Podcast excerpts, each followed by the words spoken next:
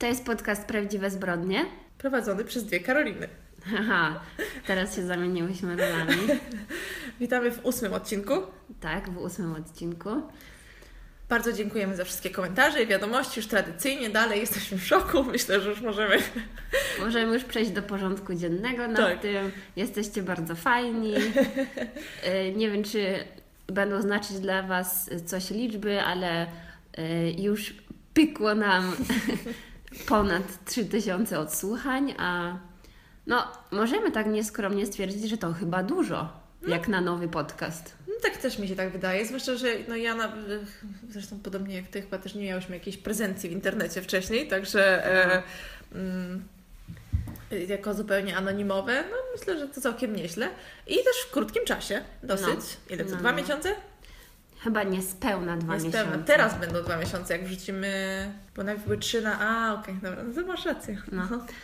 A i w ogóle y, nie wiem, czy Karolina, druga Karolina się zgodzi na powiedzenie czegoś takiego, ale to jest nasz urodzinowy odcinek. Tak, obie mamy urodziny w tym samym tygodniu, można powiedzieć, także... Tak, w tygodniu, w którym ten odcinek e, wyjdzie. Więc możecie być tak mili i złożyć nam życzenia. Zapraszamy. Będzie, do składania życzeń będzie nam bardzo miło, no. No, więc skoro ten urodzinowy odcinek, to świętujemy. Wszystkiego najlepszego. Wszystkiego najlepszego. E, No to jak minął Ci tydzień?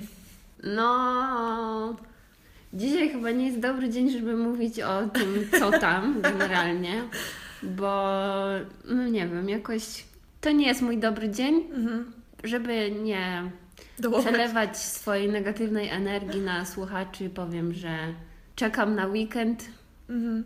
jak zwykle. Trochę zaczerpnę świeżego powietrza z dala od miasta. Nagrywamy to w czwartek, więc już prawie jest weekend, zwłaszcza w czwartek wieczór, także myślę, że już możemy godziny skreślać w zasadzie. No. Ale może ty masz jakieś lepsze nowiny? E, jedyne, co mogę powiedzieć, to, że e, poszłam w końcu na e, Fantastyczne Zwierzęta, drugą część i jestem niesamowicie rozczarowana. E, złamali mi serce po prostu. Ja jako największa fanka Harry'ego Pottera. Ale myślę, że to w sumie średnio tematyczne do podcastu. No, Harry Potter, a prawdziwe zbrodnie to tak trochę w temacie podcastów najbardziej chyba gorący temat ostatnio to jest y, podcast Homecoming. Mm? Słyszałaś o tym? Widziałam też w polecanych, ale przyznam, że nie, y, nie, nie słuchałam Więc jeszcze. to jest teraz y, fenomen z tego względu, że A, ten serial, podcast, no, oczywiście. tak, tak, Amazon, Mhm. Amazon Prime zrobił z tego serial. tak. Mhm. I zaczęłam oglądać serial, już właściwie go kończę, bo jest dosyć krótki. I z ciekawości odpaliłam sobie ten podcast już po obejrzeniu tam, nie wiem, pięciu odcinków tego serialu. Mhm. I jakby nie wiem, jak do tego podejść, bo mi się wydaje, że podcasty powinny być takie bardziej nieprofesjonalne. Znaczy, podcast mi się bardziej kojarzy z czymś takim jak audycja radiowa, no nie? A oni tam wyprodukowali takie, ja bym to po polsku nazwała słuchowisko. Ach, Że czyli wiesz, całe masz, tak, tak. że masz normalnie jakby taki no teatr, tylko że sam dźwięk. Mhm, mhm. I tam e, główne jakby role, bo to normalnie jest jakby taka fikcja, więc To, to, tam... to wiem, tak. Ja nie wiem Więc- dlaczego powiedziałam, że widziałam, ale nie, no, ale oczywiście, przecież nawet ostatnio e, to się na Facebooku, na tej grupie No, no, podcasterów no. to się wyświetlało. Nie wiem, miałam jakieś zaćmienie. No, więc, ym, więc tam główną rolę w tym podcaście jakby odgrywa powiedzmy taka aktorka Catherine Keener. Ja, ona jest dosyć znana, ale może nie z nazwiska. Ale co ciekawe, też jedną e, rolę tam odgrywa Ross z przyjaciół. O! Więc naprawdę tam są aktorzy już mega profesjonalni, a w serialu poszli jeszcze level wyżej, no bo Julia Roberts gra główną rolę, więc w ogóle. Więc ja nie wiem, czy to taki. No takie jakieś tam przedsięwzięcie, które wyszło pod szyldem podcastu, ale co to ma, wiesz, bo jakby. Tak, co ma to wspólnego? Bo większość podcastów raczej nie ma za bardzo funduszy, żeby robić z tego takie profesjonalne przedsięwzięcie, chyba że się mylę. Ja przyznam, do tej pory nie zdarzyło mi się słuchać podcastu, który był fikcją. Ja zawsze No, albo no, no, wywiady, albo właśnie historie, albo takie dużo e, podcastów o weganizmie słucham, żeby jakoś starać się odżywiać. Się. Tak, tak, tak, bo ja mm, niestety jeszcze weg- weganką nie jestem. Spróbuję być wegetarianką już od dłuższego czasu, ale, ale no pomaga, bo tam dużo, dużo cennych rad zawsze e, dają. A tak to to nie, nie, nie. A ty jakiegoś masz doświadczenia z takimi podcastami? Nie, też nie masz. Nie? Fikcji nie. Mhm. Nie, nie, nie. Bardziej tylko takie właśnie, nie wiem jak to nazwać, lifestyle'owe, czy Mhm, nie no wiem, właśnie, jakie nie, nie wiem, po, historyjki, porady nie, bo to. jakieś tam dziwne. Jedyne czego nie lubię to takich, zresztą ja w ogóle mam straszny problem z tą całą kategorią self-help, Aha. e, jakichś takich e, już bardzo coachowych. Tak, o Jezus Maria, No. to, to ja dostaję e, wysypki na całym ciele, także No. chociaż rzeczywiście wiem, że ludzie to lubią i rozumiem dlaczego, ale nie jest to dla mnie kompletnie. No ja też nie przepadam. No, jakoś tak ciężko mi e, się przekonać.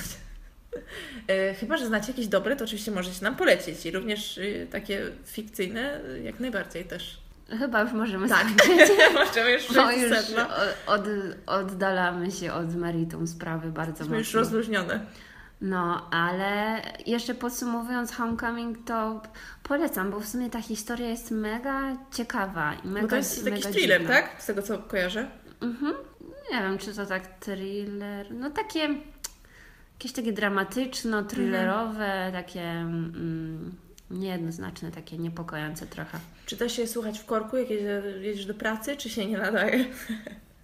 Można. Aha, i co jeszcze dziwnego jest w tym, że z tego co ja zdążyłam zauważyć, to podcast i serial są zrobione jeden do jeden. O, to się Więc rzadko właściwie- zdarza, no. Więc właściwie jak ktoś słuchał podcastu, to tak naprawdę nie ma po co oglądać, bo tylko jest dodany obraz. A czekaj, mówiłaś, że e, z, wyłapałam to, że powiedziałaś, że oglądałaś serial, ale cały obejrzałaś? Nie, chyba mi zostały dwa odcinki, Okej, bo wczoraj mi się przysnęło już na tym, ale. I ale do tej pory tak. nie ma różnic e, z tego, co Ale zauważyłaś. słuchałam podcastu jeden odcinek. A, okej. Więc, bo nie chciało mi się już tego słuchać, skoro zauważyłam, No. że jest dokładnie to samo. Jestem ciekawa, czy rzeczywiście w całości jest, jest e, takie samo. Nawet to... długości są podobne. Hmm. Ale to są detale w ogóle. Jak Was to interesuje, to sobie sprawdźcie. No właśnie, można wpisać. e, W... Myślę, że e, będzie wszystko jasne. Dobra, to co? Zaczynamy? Dzisiaj Twoja Zaczynamy. kolej, jesteś tą szczęściarą.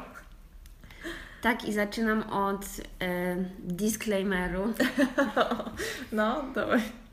bo wydaje mi się, że moja opowieść może być dosyć krótka, Mhm. ale jakby nie powinna być krótka, bo sprawa jest bardzo skomplikowana, ale pierwszy raz póki co doszłam, przeżyłam coś takiego jak dojście do po prostu ściany internetu. O, No, okej. e, bo Rozumiem, przez dwa miesiące robiłaś research, tak? Dokładnie.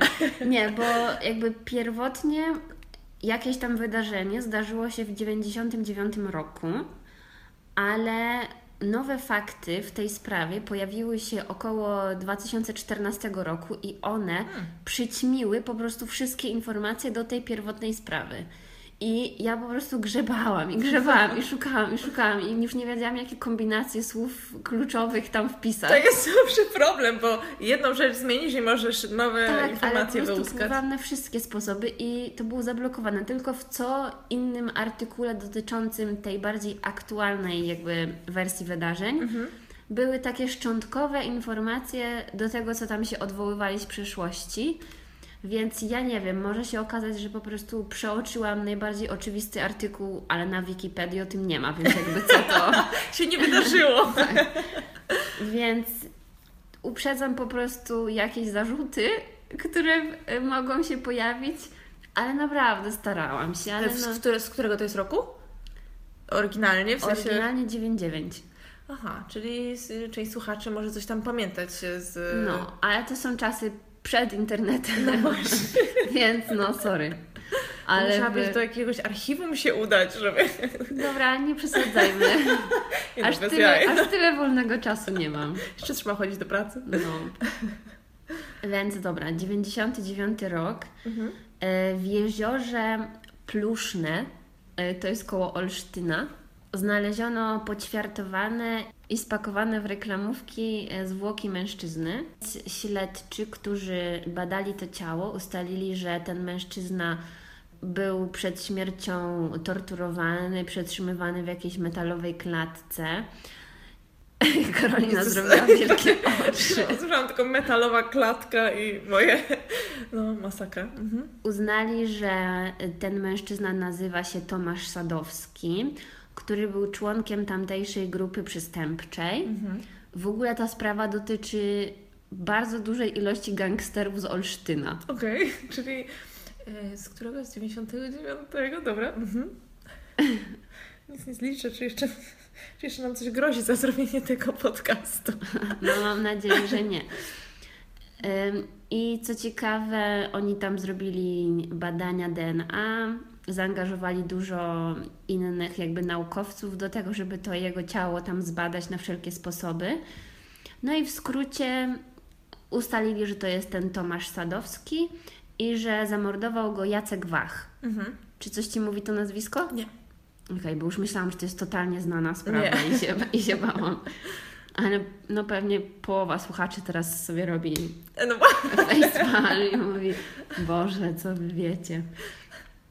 I teraz ta dawka informacji, którą teraz podam, została znaleziona na stronie o dziwnej nazwie Salon24 mhm. i ten tekst pisał chyba z tego, co zrozumiałam, brat tego Jacka Wacha, więc może być stronniczy, ale z drugiej strony to jest jedyne tak szczegółowe jakby sprawozdanie z całego tego postępowania. Czyli czekaj, przepraszam, że wejdę Ci w słowo. Czyli ten artykuł napisał brat domniemanego sprawcy. Tak, tak, tak. Okej. Mhm.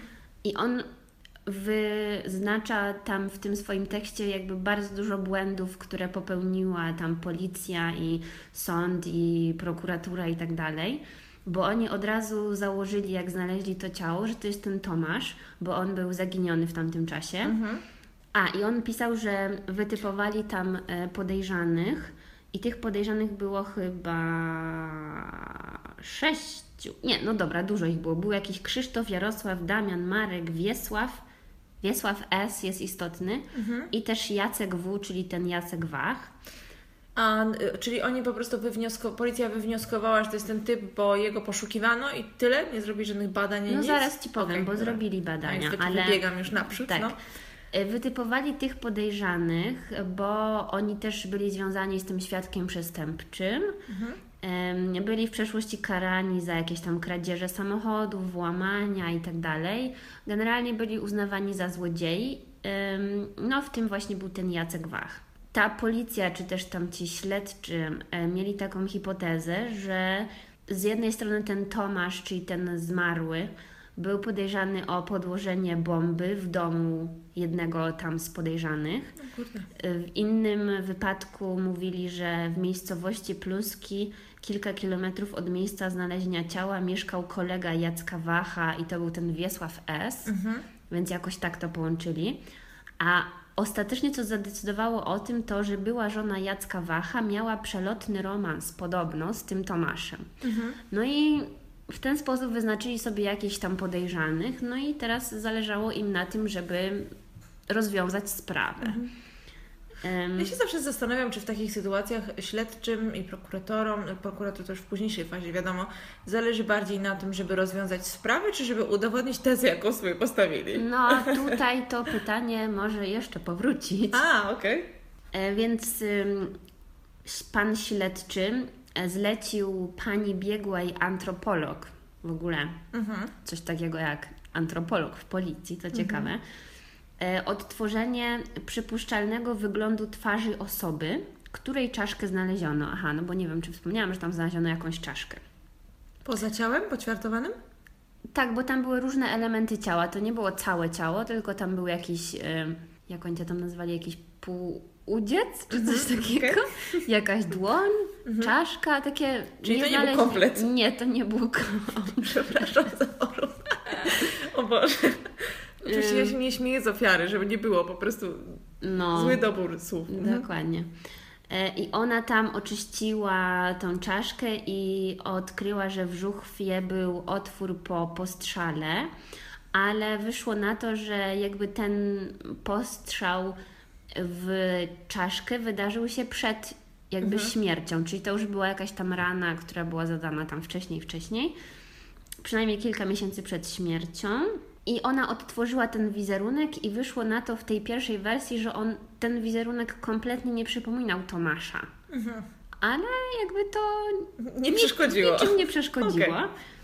E, Potem ta policja e, przepytywała rodzinę i znajomych Tomasza, e, czy był w przeszłości postrzelony w twarz i tak dalej. No i wyszło na to, że on nie był nigdy postrzelony, więc znowu wyszło na to, że troszeczkę im to nie wychodzi.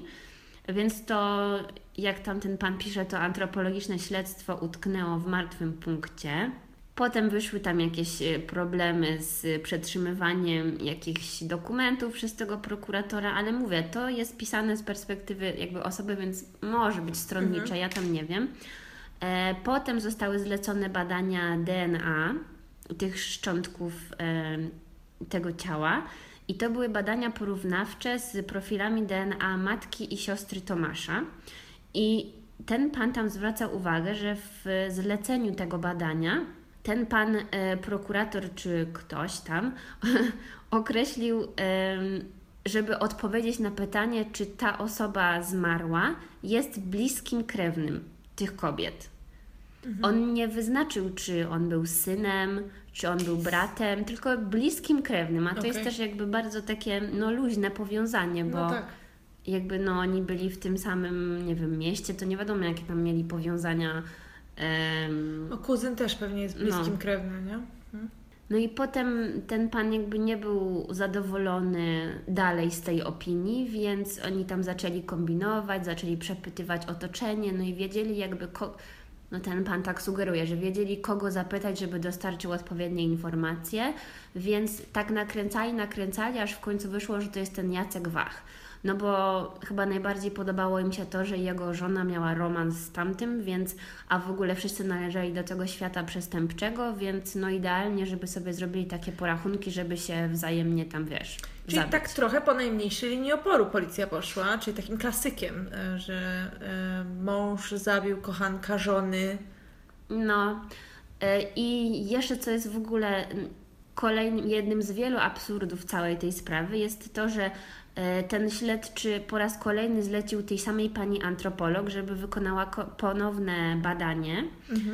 To się nazywało ekspertyza identyfikacyjna i zlecił coś takiego jak odtworzenie wyglądu osoby, mając czaszkę.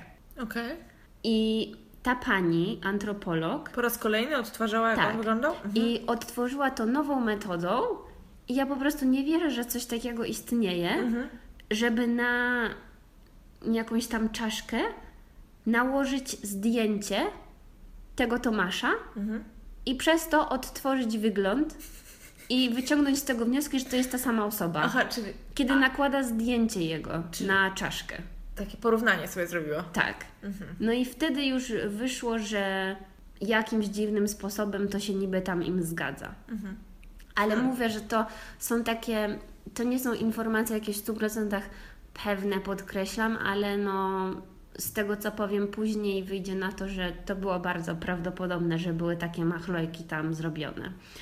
No i już po tym, jak otrzymali odpowiednie zeznania od tych osób, do których się zwrócili, to sąd skazał Jacka Wacha na dożywocie za zabójstwo.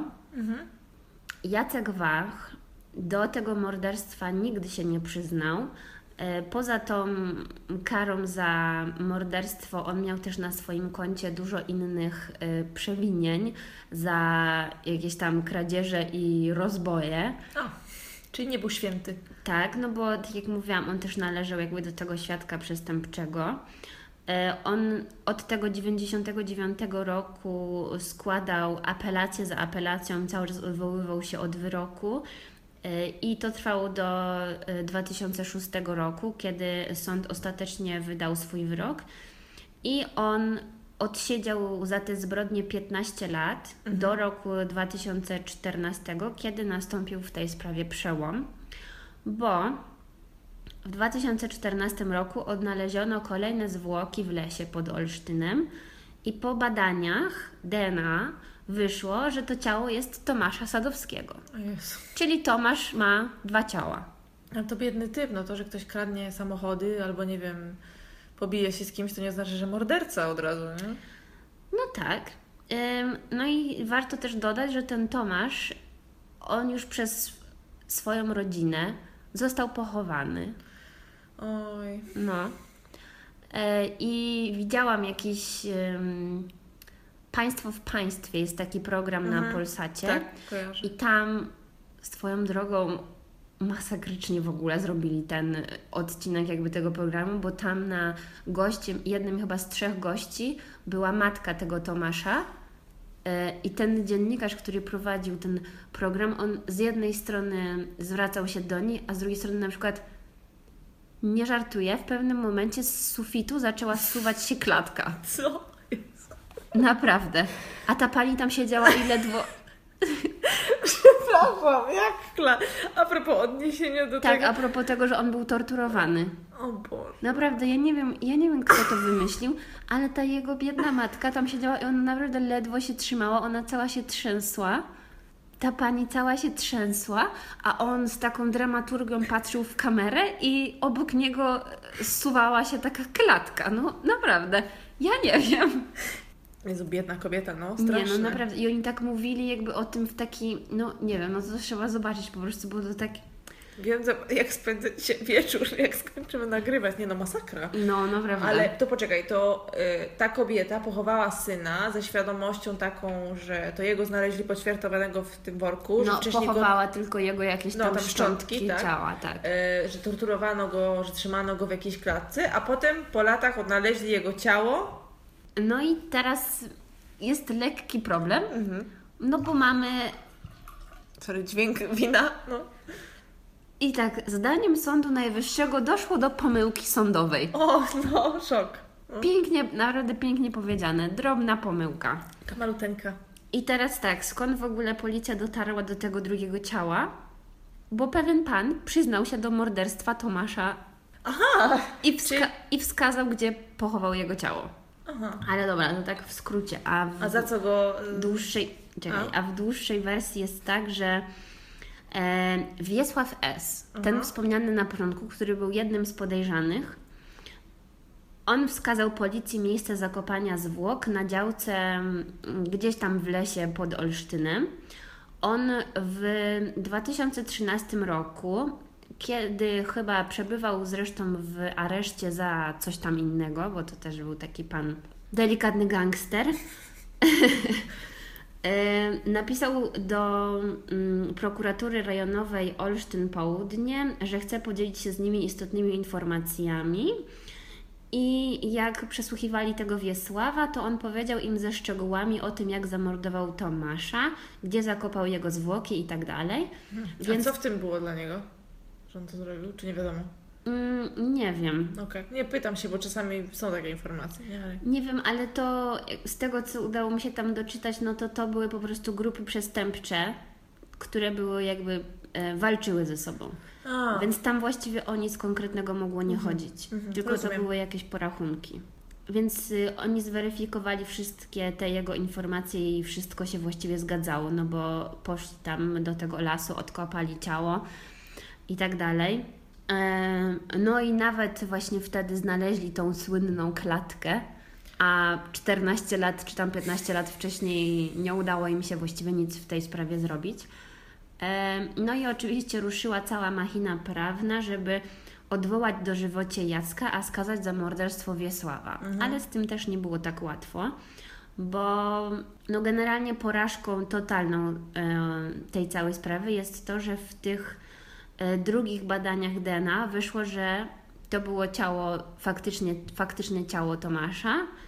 No i niby to wyłowione w jeziorze też miało jego DNA, no ale to jest kompletnie niemożliwe, więc wtedy musiało coś pójść totalnie nie tak. Em, No i poza tym pojawił się problem z aresztowaniem tego Wiesława S., bo on przed laty był sądzony za tą sprawę razem z Jackiem Wachem. E, I sąd w tamtym czasie, czyli te tam 14 lat wcześniej, stwierdził, że Wiesław jest chory psychicznie i niepoczytalny i jakby odsunął go na bok, ale tak jakby sk- skazał go i zlecił mu pobyt w szpi- szpitalu psychiatrycznym. A za morderstwo wtedy skazał tego Jacka Wacha. No, a w ogóle ten Wiesław z tego ośrodka kilka lat później wyszedł i kontynuował jakby swoją przestępczość. Działalność. No. No i filmowy jakby paradoks Mhm. powraca, że nie można kogoś skazać drugi raz za tę samą zbrodnię. Rzeczywiście, no. Więc skoro raz stwierdzili, że jest niepoczytalny i no tak jak oni go wtedy skazali na pobyt w tym zakładzie psychiatrycznym, no i jakby szczegółów też na ten temat nie ma, ale chodzi o to, że on nie może pójść do więzienia za morderstwo, mimo że się przyznał, bo już wcześniej go w tej sprawie skazali. Aha, i to się nazywało zastosowaniem środka zapobiegawczego, który polegał na umieszczeniu go w zakładzie psychiatrycznym. Mhm. I y, uchylono tę jego karę w 2010 roku, czyli jeszcze jakby wcześniej, no nie?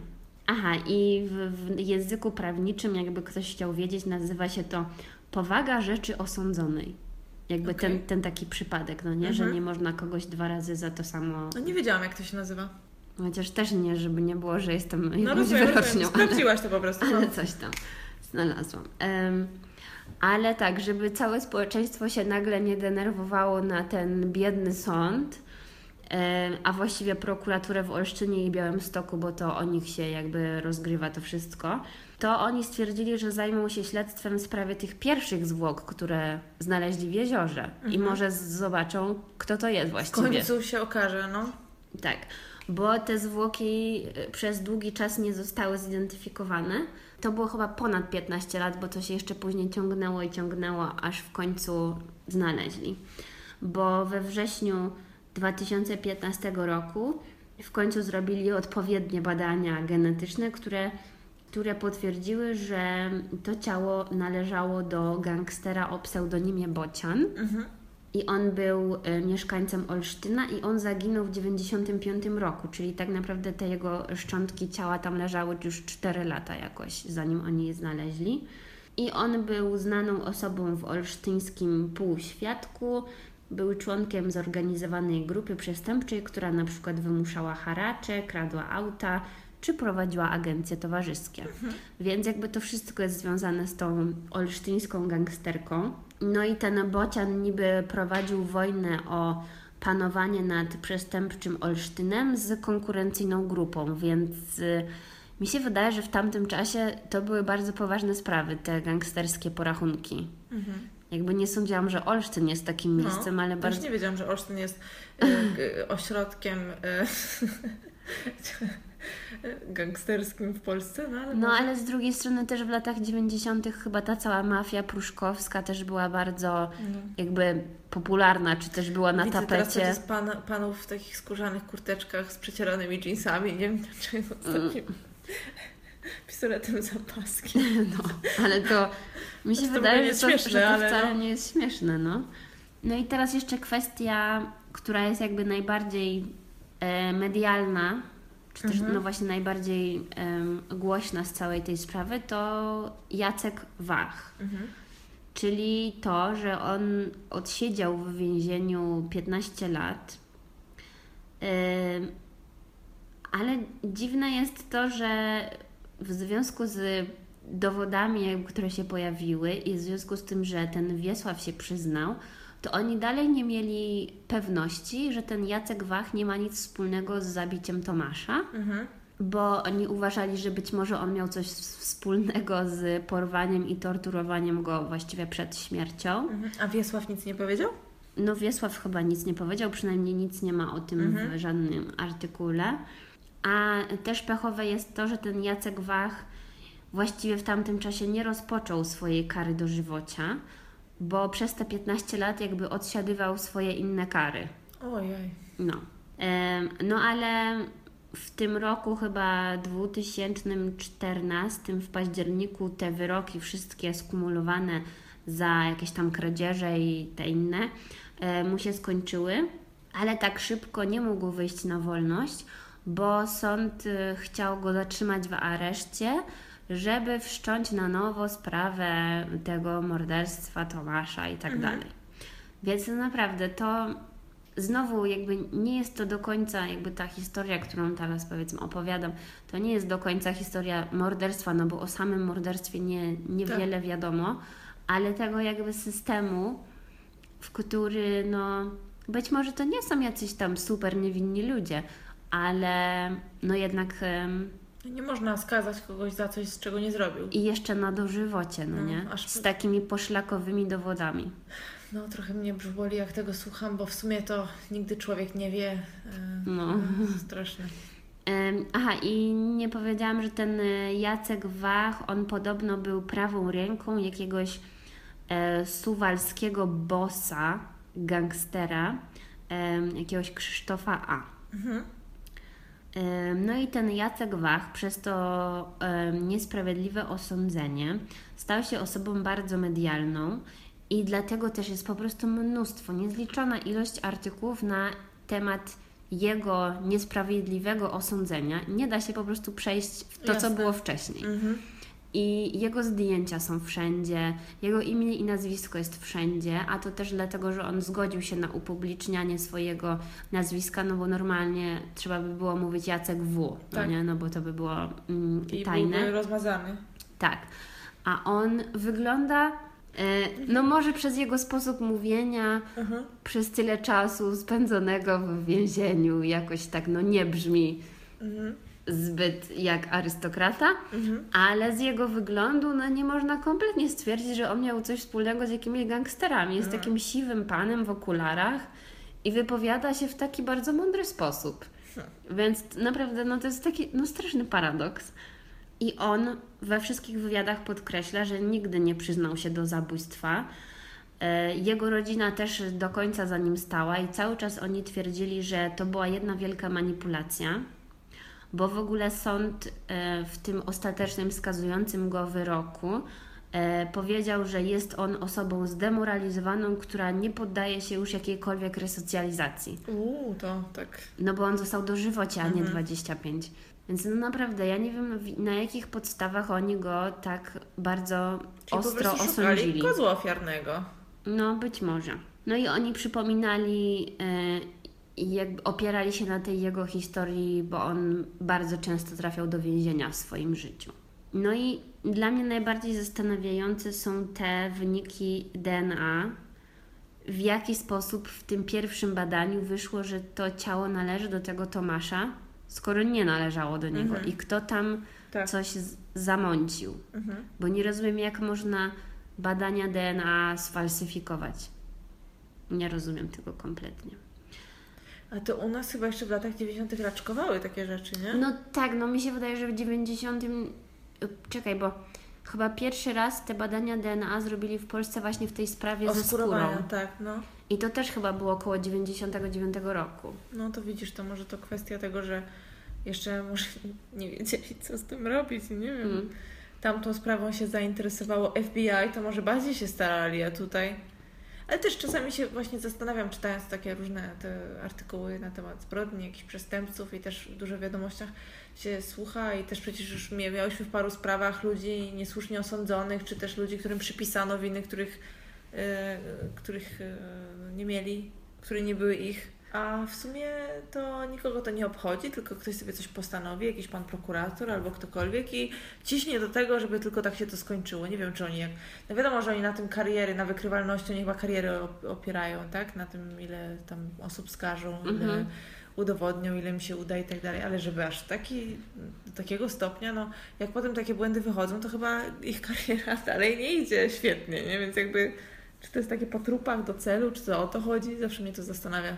No, ja nie wiem kompletnie, ale z drugiej strony też czasami to uchodzi na sucho, powiedzmy. No tak, no tak. Bo bardzo dużo osób wychodzi na to, że jest um, związanych z taką sprawą i nie można tak łatwo jednej osoby jakby zwolnić, powiedzmy, mhm. bo za nią by się jakby potoczyło znacznie więcej innych osób i to też często wysoko postawionych. No, no może, może. No. Dobra, ale e, ten Jacek Wach jeszcze chciałam powiedzieć, że w mediach mówił o tym, że najbardziej zależy mu właśnie na ujawnieniu manipulacji prokuratury i sądu i że nie chodzi mu o odszkodowanie. I jedynie chodziło, chodzi mu o to chyba wciąż, no bo tak naprawdę takich jakby żadnych, nie wiem, przeprosin, ani nic Mhm. takiego nie widziałam w internecie, ani informacji o tym, czy dostał odszkodowanie, czy nie dostał. Tylko tyle, że to była pomyłka. Wiesz, nie wiem, czy on miałby prawo się starać o odszkodowanie, jeśli on odbył najpierw karę, karę, bo rozumiem, że wcześniej miał w zawieszeniu i potem zostając skazanym jeszcze raz, te kary zostały odblokowane. No możliwe. No tak sobie to wyobrażam. Nie wiem, nie znam oczywiście Ale tego timeline'u. Ale No to- z drugiej strony nie, no bo jeśli jesteś skazany na dożywocie z powodu zamordowania kogoś z, jak to tam się mówi, dużą tam okrutnością czy Tak. coś tam, no to to... No, no, no. chyba. Sorry. No, E, wszyscy wiedzą o co chodzi. To jakby to jest szrama taka wielka na jego imieniu, że wydaje mi się, że na 100% można dostać za to odszkodowanie. No może jakoś tak pomyślałam, że skoro No bo on to jest odbywał za błąd. przeszłe y, Nie, no grzeszki, jest, no, no tak, ale jakby dla niego nie było żadnej nadziei, no bo on po prostu miał jedyne, co mu pozostało, to siedzieć w więzieniu i odsiadywać swoje kary. Mhm. Więc to w sumie nie była żadna różnica, za co on konkretnie odsiaduje. Mi się wydaje, że oni to dopasowali, wiesz, sumowanie tych wszystkich kar dopiero po tym, jak się okazało, że mieli, Ojej, no. że mieli jakby, pewnie. wiesz, niesłuszność. No tak, tak. Mm. Rzeczywiście nie pomyślałam o tym. No biedny, kurczę, no nikomu się coś takiego nie należy. No i on mówił właśnie, że na każdego można znaleźć paragraf i że jakby on jest tego świetnym e, przykładem. Uważał właśnie, że sąd i prokuratorzy nie byli bezstronni i co ciekawe w więzieniu poświęcił ten czas na naukę i zdał maturę O, i mówił w jakimś tam wywiadzie, że po wyjściu z więzienia chce studiować prawo, no proszę. więc to go, wiesz, zainspirowało. Em, No pewnie musiał dużo ślęczyć na swoją własną sprawę. no, na pewno. E, No i oczywiste jest podobieństwo do innych spraw, bo już nie chciałam jakby mówić, bo mi się wydaje, że każdy raczej o tej sprawie słyszał w ostatnim czasie tego Tomasza Komedy. No, Więc to też jest jakby no podobne, tylko że w sumie on za ten faktyczny wyrok swój odsiadywał, em, więc może tam Jezu, tyle lat. Straszne to po prostu. No, ale to było wszędzie, nawet w Dzień Dobry TVN Tak. i tak dalej, więc jakby nie ma co tego em, Myślę, przypominać. że nie ma osoby, która o tym nie słyszała. No. Więc ym, wskazywali dużo wspólnych szczegółów ze sprawą Krzysztofa Olewnika, Mhm. bo ym, z ustaleń papu Mhm.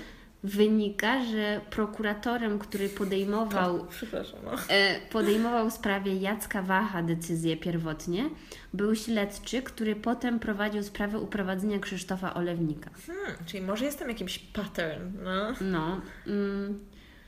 E, no i na koniec, żeby tak sobie pozytywnie podsumować to wszystko, z danych przekazanych przez Biuro Prasowe Ministerstwa Sprawiedliwości wynika, że co roku w Polsce jest notowanych kilkanaście albo kilkadziesiąt przypadków mylnych aresztowań albo skazań. E, Za te niesłuszne areszty i skazania oczywiście osoby wnioskują za zadośćuczynienie No jasne. i z danych właśnie, o które opiera się też PAP i skąd ja mam te informacje, wynika, że wychodzi ponad 60 osób rocznie, które Mhm. ubiegają się o jakieś tam odszkodowania w związku z tym. I na przykład w 2013 roku wysokość tych wszystkich odszkodowań wynosiła ponad 700 tysięcy złotych. No kurczę. No więc y, nie wiem właściwie jak ta, co, co zrobić z tym do końca, no bo chyba ten Jacek Wach został w końcu uniewinniony i wyszedł Mhm. na wolność, powiedzmy. Ale takiego jakby stuprocentowego twierdzenia na ten temat nie znalazłam, bo tam były właśnie te zawirowania w związku z tym aresztowaniem jego i ponownym prowadzeniem sprawy, no Mhm. nie? Więc... Ale wydaje mi się, że wszedł, bo też na jakiś artykuł, jeden nagłówek był groźny przestępca wychodzi na wolność, czy coś wow, tam, no. nie? Więc jakby po prostu tyle dziwnych artykułów na ten temat przeczytałam, że już sama nie wiem, co myśleć, ale jakby istotą tego jest y, kto i dlaczego na samym początku Tak cisnął, że to tak on... cisnął, no. Mm, Ciekawe. No bo wiadomo, że gangsterka to jest jakby świetny materiał na winowajców, no Mhm. nie? No ale z drugiej strony co innego jest kraść samochody, a co innego jest zabijać ludzi i torturować i wsadzać do jakichś Tak. klatek. To prawda, to prawda. Więc nie wiem, co o tym myślicie. A co ty myślisz o tym? No nie, no tak jak, tak jak już wcześniej wspominałam, to też uważam, że to, że ktoś, e, nie wiem, ukradnie cukierka albo nawet samochód, albo nie wiem, pobije się z kimś, no to to jeszcze nic nie oznacza, prawda? No to nie, nie oznacza, że nie będzie biegał z nożem po ulicy i ciekał ludzi. A okropne to jest, że, że za niewinność można pójść do więzienia. To tak strasznie filmowo brzmi, no ale No. Widać takie rzeczy dzieją się. Ile przykładów mamy, no sama wymieniłaś e, ten jeden z ostatniego czasu, który Mhm. no, był no, przerażający. Także No. swoją drogą e, pewnie jest takich więcej, więc Mhm. No właśnie ja trafiłam na jakieś takie zestawienie niesłusznie Mhm. oskarżonych. no. Tak dla y, szuka, z okazji szukania inspiracji do, Mhm. do podcastu. No to ciekawe. Więc, więc jest tego sporo. No dobra, to co? Dobra, ja Ci opowiem o sprawie dosyć starej. em, o zabójstwie Tadeusza Stecia. Em, słyszałaś o takim panu? Nazywany był przewodnikiem przewodników. E, nie, nie. Nie. Tadeusz Steć urodził się w 25 w Ściance. Taką informację znalazłam. E, I był przewodnikiem, em, pisał książki, wydał mnóstwo jakichś artykułów i prac na temat em, Sudetów, bo tym, ty- tym się głównie zajmował. Czy, czy to chodzi o zabójstwo jakiegoś pana w górach? Nie, nie, nie, nie, nie, nie. Y, Tego pana zabili u niego w domu. A, okej, dobra.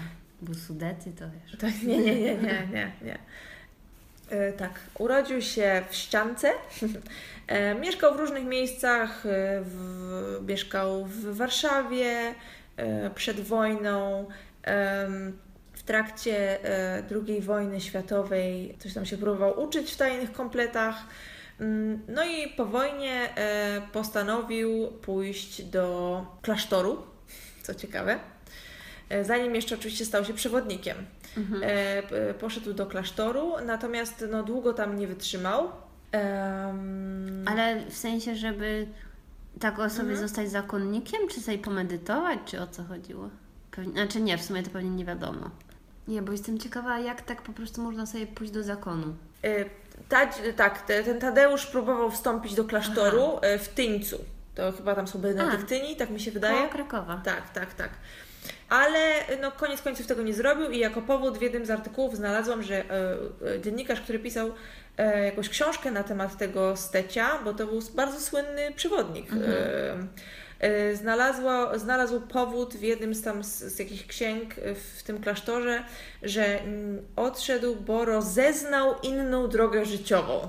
Czyli jakąś panienkę znalazł. No właśnie nie. A dlaczego to nie była panienka? Tą y, y, Steć był homoseksualistą i w ogóle A. się tak, w ogóle się z tym nie krył. Absolutnie się z tym nie krył e, i e, też znalazłam jakiś taki cytat, że zamienił e, że zamienił tą sutannę na czerwony sweterek i beret z antenką. Okej. Tak. E, No i tak wędrował, wędrował sobie po tych górach, e, coraz bardziej gdzieś tam się w to wkręcał i stała się to po prostu jego życiowa pasja. E, No i oczywiście jak to mm, został tym, tym przewodnikiem, natomiast, aha, jeszcze zanim został przewodnikiem, próbował studiować, gdzie studiował? We Wrocławiu, ze wszystkich miejsc. Aha. Parę lat po wojnie, nie pamiętam czy to był przed 50 jeszcze tam, 47, 8, 9, mniej więcej w tych okolicach. Próbował studiować historię z tego co pamiętam, ale coś no, nie poszło i zrezygnował bardzo szybko ponoć ze studiów, nie wiem czy tam nawet chyba pierwszego roku nie skończył. I e, rozpoczął swoją karierę, karierę w Dolnośląskiej Spółdzielni Turystycznej, e, gdzie przemalowywał znaki na szlakach na przykład. O, to ciekawe zajęcie. Tak, tak. Lubił czytać ogólnie i, i dużo o górach czytał. E, to była jego pasja, tak jak już wspomniałam. I w pewnym momencie zaczął pisać na temat gór i został, cytuję, dos- dostał legitymację korespondenta, co w tamtych czasach było niesamowitym awansem społecznym. Tak znalazłam.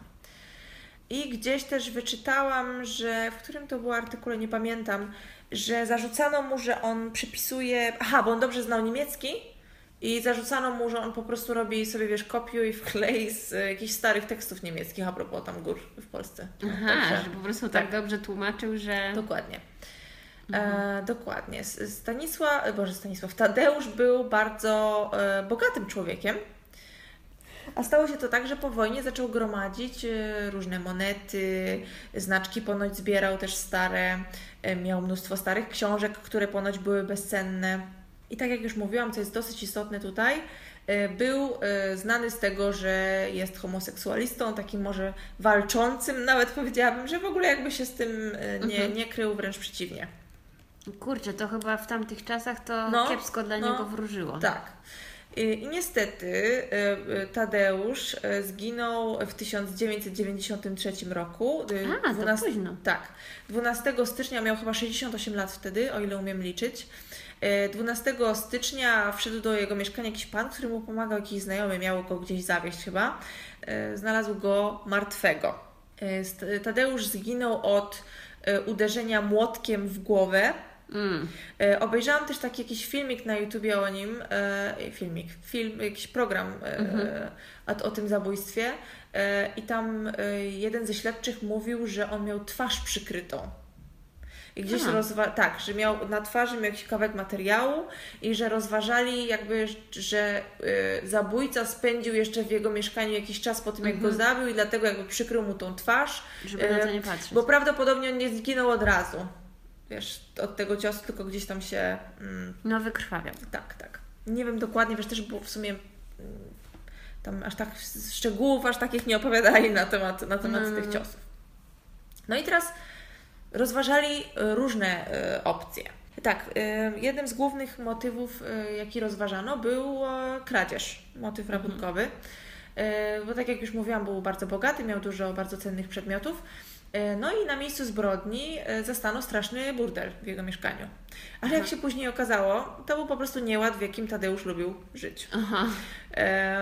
Ciężko powiedzieć, czy coś tak naprawdę zginęło. E, Jest taki w ogóle cytat, chciałabym go przytoczyć, że jeden z, e, ze, z, z e, jakiś tam jakiś znawca książek, którego wezwano do jego domu, żeby popatrzył na jego zbiory, jak zobaczył książki, jakie trzymał.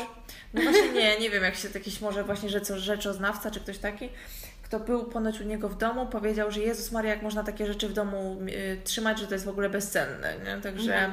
Takie, takie reakcje były. Natomiast co ciekawe, w jednym z artykułów wyczytałam, że po jego e, śmierci e, przez jakiś czas do jego mieszkania klucze miała znajoma jego matki. Bo ta jego mama już była stara, ponoć miała Alzheimera. E, No i jakaś jej znajoma miała klucze do mieszkania Tadeusza po tym, jak już umarł. E, No, no. I e, jak jego ko- kolekcja została przekazana e, jakiemuś instytutowi w Krakowie, nie pamiętam już dokładnie, Muzeum Krakowskiemu, nie pamiętam, komuś, jakiemuś muzeum, przepraszam, wybaczcie, nie, nie przypomnę sobie teraz. I, e, I ponoć tylu cennych przedmiotów już tam nie było, więc nie wiadomo, czy ta pani znajoma przypadkiem czegoś tam nie upłynniła w międzyczasie. E, Nie, nie dorobiła sobie na boku, ale to nie są potwierdzone informacje, więc może ta pani wcale nie była winna, ja tylko tak, wiesz... e, Domysły. tak, wspominam to, co gdzieś tam wyczytałam. Więc ten motyw rabunkowy, no tak, niby nic nie zginęło wtedy, ciężko było powiedzieć, był taki dosyć syf w tym mieszkaniu, jak już mówiłam, to, to, to jest jeden z nich. Drugim, e, drugim motywem, jaki rozważano, był motyw związany z orientacją seksualną Tadeusza. No. Tadeusz e, lubił em, Mężczyzn. mężczyzn, jak już wspomniałam. E, No i nie byłoby w tym nic złego, gdyby nie to, że znaczy dalej nie ma nic z tym złego e, teoretycznie, ponieważ lubił płacić za seks. E, A, okej. Znaczy lubił, po prostu uprawiał seks za pieniądze. Mhm. E, Ale robił to w dziwny sposób, ponieważ zapraszał e, tych mężczyzn, czy niestety, jak się okaże za chwilę, chłopców, Aha. do siebie, że niby tam jakieś filmy chce pokazać, że o górach pogadać, wiesz, tak mydlił trochę oczy, a ponoć e, tak naprawdę e, zamiast filmów o górach puszczał filmy pornograficzne, jak znalazłam na dziennik, dzie- dziennik.pl, e, taki artykuł był, E, I, no i potem zabierał się do rzeczy, że tak powiem. Ale ze, za zgodą tej drugiej strony. Nie wiem, tu jest napisane, że młodzi chłopcy świadczyli mu usługi seksualne za pieniądze. I w tym filmie, który oglądam na YouTubie, było to samo. Że, on, że, że, że płacił młodym chłopakom za to, żeby uprawiali z nim seks. Więc to nie było chyba tak, że nie wiem, zaciągał ich tam na siłę, tylko pod pretekstem gdzieś tam ich urabiał, urabiał i oni się musieli zgadzać. No ciężko mi powiedzieć, nie było mnie tam. No jasne, ale bo to jest, to jest też jakby problematyczna kwestia, czy oni oferowali tak. usługi seksualne, z których on korzystał, mm. czy on nakłaniał za pieniądze do jakichś tam seksualnych aktów. W tym filmie ja postaram się znaleźć tą nazwę i może gdzieś w opisie umieścimy, jak się ten, jak się ten program nazywał, który na YouTubie obejrzałam. Tam było też e, coś powiedziane o chłopakach z wojska, że przychodzili do niego i to nie tylko młodzi, tylko też w różnym wieku. A w innych źródłach raczej znalazłam, że on się skupiał na młodszych. I teraz to, co wtedy mówili młodsi chłopcy, to ja myślałam 18, wiesz, lat. A tutaj mówimy o wieku około 15. Mm. Czyli to tak, no... No to nie fajne. Tak, i ponoć spotykał ich um, na różnych prelekcjach, jakie prowadził. O, no, czyli tak. jeszcze wykorzystywał swoją tak. wyższą pozycję. Wyobrażasz sobie i bardzo fajnie zauważył to, y, zauważyła to osoba, która y, była tutaj cytowana w tym artykule na dziennik.pl. Y, zacytuję. Wielu z nich poznawał na prelekcjach w wieloniogórskich szkołach, na które był zapraszany, choć o zgrozo wszyscy wiedzieli o jego seksualnych preferencjach. Czyli jakby to nie była, to, że był gejem, to jest jedno. Nie ma nic z tym złego, no ale to, że wszyscy wiedzieli, że Lubi podobał sobie młodych chłopców, a jeszcze chodził po szkołach, wydaje mi się trochę dziwne. No. Niestety um, śledztwo utknęło w martwym punkcie. Aha, tak w ogóle tak w ogóle też, też w tym e, artykule na dzienniku.pl mówili, że ogólnie było bardzo mało e, wspominane o tym, że on tych chłopców tam, wiesz, zaciągał, znaczy zaciągał, zapraszał do domu i gdzieś tam ich wykorzystywał, bo ponoć część z tych, z tych chłopców to byli synowie jakichś tam ważnych osób. E, I ci rodzice ich, e, te osobistości, nie chciały, żeby ci chłopcy gdzieś tam w sprawie e, byli ciągani, wiesz, na jakieś przesłuchania i tak dalej. Nie, nie, nie chcieli, żeby może wyszło na jaw, że ich dzieci chodziły do, do tego Tateusza Stecia i gdzieś tam się z nim zabawiały. Zabawiały, tak. Ale to może być też kolejny trop, nie? Że mhm. ktoś z takich tak. wpływowych osób się wkurzył i zlecił jego zabójstwo. Tak, tak, tak. E, problem z tą sprawą jest taki, że ona do dziś e, nie jest wyjaśniona.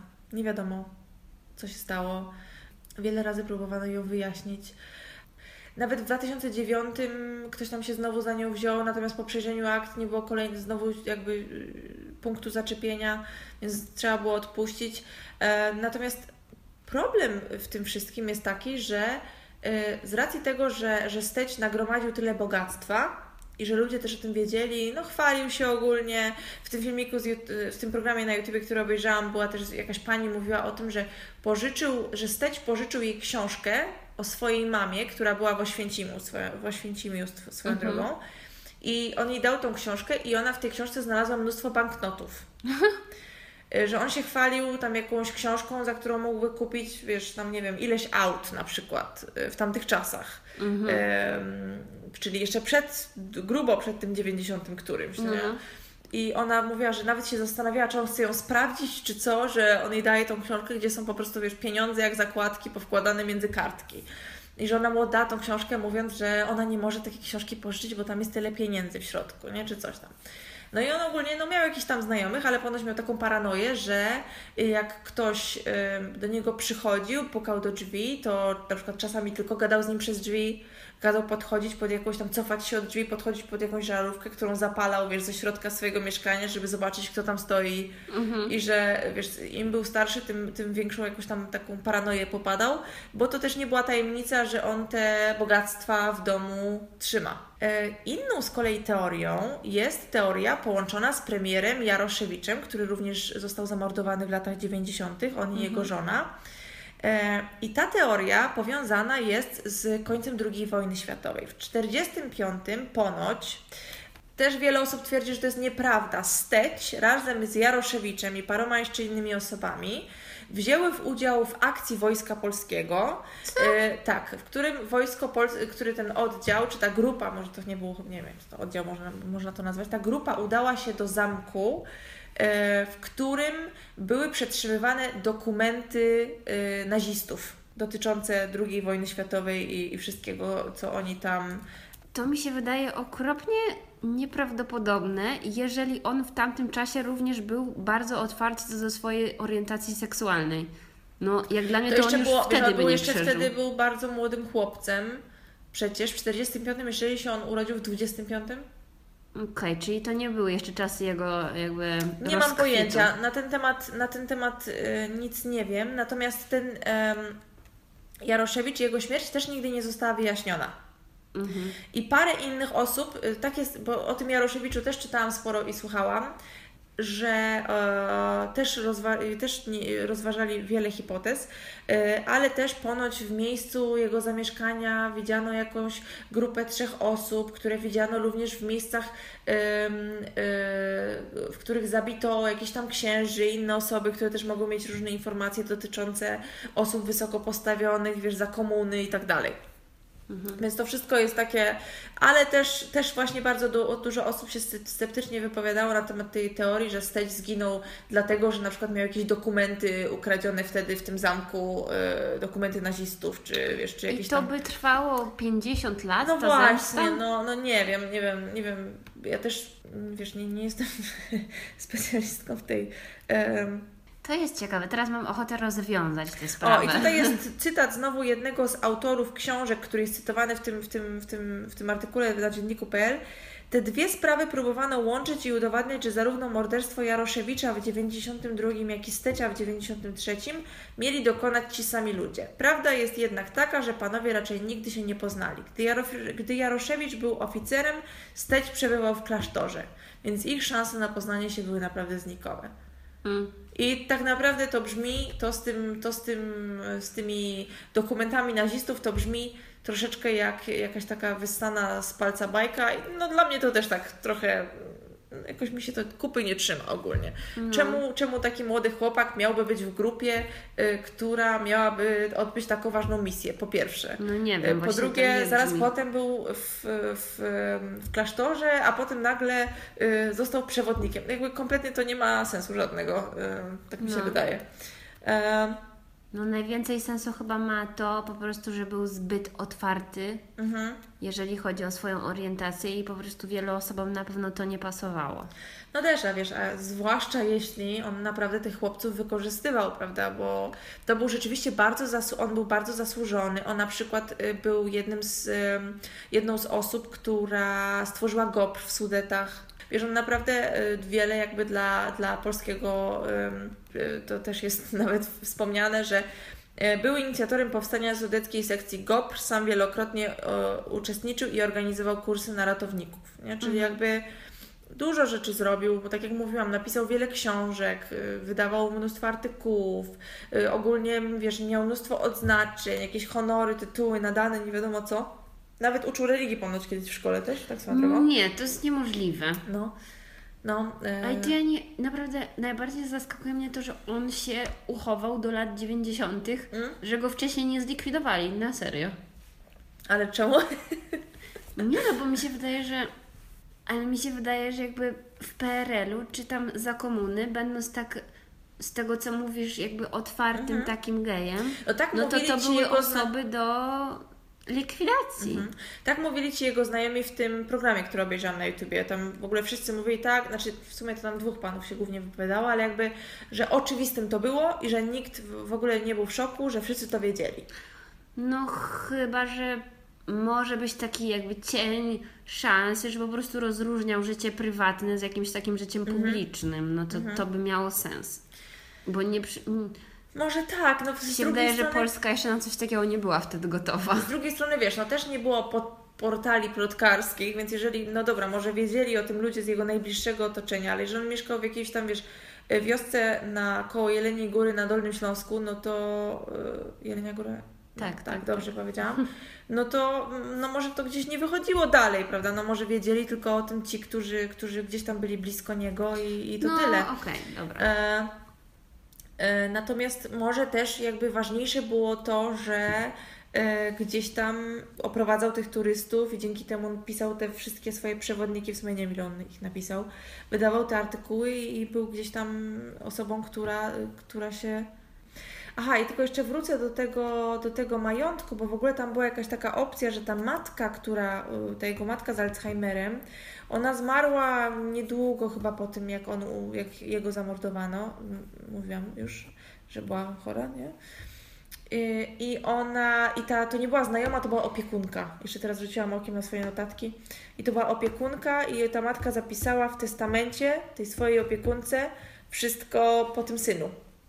No ale to nie pykło i właśnie Muzeum Karkonowskie, ja teraz do mnie dotarło, że Muzeum Krakowskie, ja mówiłam wcześniej, bardzo Was przepraszam, Muzeum Karkonowskie e, dostało tą jedną e, kolek- to, to, to jego kolekcję, a część jego majątku, w tym kasę, tutaj mam napisane 500 milionów starych złotych i 36 tysięcy marek niemieckich, przejął Skarb Państwa. To jest również cytat z dziennik.pl. To możecie nam powiedzieć, ile to jest na dzisiejsze pieniądze, ale pewnie dużo. no dobra. Czyli trafiła nam się sprawa nierozstrzygnięta. Tak, tak. Ciekawe, że z tym beretem jest prawda, szczerze mówiąc, bo to tak w tym jednym artykule to znalazłam z tym beretem z, z, antenką. z antenką, ale tak na dobrą sprawę to nie wiem, czy to jest rzeczywiście e, ten. Ale to nie jest nieistotne. Wydawało mi się ciekawe, że po tylu latach w sumie tak, tak mi się z tym archiwum Mix y, kojarzy cały Aha. czas, no. E, że taka cold case e, i że e, e, i taka ciekawa postać w sumie z tego, z tego Tadeusza, nie? Z jednej strony no, ktoś taki zasłużony. Tak, ktoś taki zasłużony, ktoś, kto ma trochę paranoję i się boi, że ktoś go okradnie. A w ogóle też w tym programie, który, który, mm, który oglądam na YouTubie, coś jeden z, z, jedna z osób wypowiadająca się w tym programie wspomniała, że gadała z nim kiedyś o tym, że on się nie boi, że go okradną. I Steć powiedział mu, że u niego w domu jest jakiś dzwoneczek, który e, jak on zadzwoni, to słychać u niego, u jego matki w domu. Tylko ta jego matka już w tym momencie życia była już stara i jakby miała Alzheimera, więc czy ten dzwoneczek coś by mu pomógł i ten jego znajomy w tym, w tym programie mówi, jakby wspominał właśnie to. Więc z jednej strony otwarty, wszyscy wiedzieli, że jest homoseksualistą, wszyscy wiedzieli, że ma dużo pieniędzy. Też ponoć bardzo lubił tworzyć legendy na swój temat. Mhm. I bardzo dużo e, gdzieś tam e, nadrabiał, też nadrabiał, nie wiem czy nadrabiał, ale bardzo dużo lubił, lubił e, właśnie opowiadać i, i tworzyć jakieś takie. A, i zapomniałam powiedzieć o najważniejszym, że w pewnym momencie skazano w ogóle kogoś za tą zbrodnię. E, zapomniałam w ogóle. Okej. Okay. To tak na zakończenie już. Skazano typa, którego w Gdańsku e, grasował jakiś koleś, który zabijał e, homoseksualistów. Aha. Tak, jak jego znaleźli, to um, on się przyznał również, on się przyznał do wielu zabójstw i za, za, zabójstwo Stecia było jednym z nich. Natomiast on powiedział, że on go zaatakował nożem. To się nie zgadzało. Tak, to się nie zgadzało, więc on go uniewinnił za to. Mm. Natomiast no taki, taki no nie Może popełnił tak dużo zbrodni, że już nie pamiętał kogo czym zabijał. Wiesz, ale to brzmi jak wariat, nie? Jak biega po, po, po miastach i, i atakuje y, homoseksualistów, to po prostu ktoś, to, no to jakiś random, no nie wiem, wybrał może sobie... Może chciałby ich zabijać, ale to jest tylko jego e, jakiś no, tam... Tak, tak, tak. Wymysł. Także mm, tak zapomniałam o tym wspomnieć, że to było dosyć istotne. Mam nadzieję, że to wszystko. Z... Ale nie został skazany nie, za to. Nie, uniewinnili go za to, to tak, tak. Nic nie zmieniło w tej mhm. sprawie. Dokładnie. No dobrze, kochani, mam nadzieję, że dzisiejsze historie Wam się podobały i że coś z nich zrozumieliście. No, powiem Ci, że rozpoczęłam jakby nasze dzisiejsze posiedzenie w złym humorze, ale już teraz zapomniałam o troskach dnia codziennego. Lepiej, nie? Mhm. I to takie tematy. No, to jest trochę dziwne, ale tak jest. No niestety. No Nasze pewnym... problemy wydają się w tym momencie błahe. Dużo mniejsze. Wiadomo, że to nie chodzi o to, że a, ktoś ma gorzej, ale no, w pewnym sensie jakoś tak się człowiek może od, zdystansować do... Nabrać perspektywy. Tak, tak, no, zdecydowanie. A zresztą razem zawsze jak można sobie posiedzieć, porozmawiać, to jest od razu lepiej. No, tak słodko. Dokładnie. I nawet chciałam zauważyć, że Twój niegrzeczny kot Tak. dzisiaj jest wyjątkowo grzeczny. Lucynka zawsze chce być w centrum uwagi, a dzisiaj poszła spać. Nie wiem, czy to taki prezent dla nas na urodziny, wiesz, żeby ten odcinek był em, wyjątkowo cichy. No, ale ale jesteśmy... przez cały czas spała. Tak, dziękujemy Lucyna. No, także do, do usłyszenia w przyszłym odcinku. Cześć, pa! Cześć!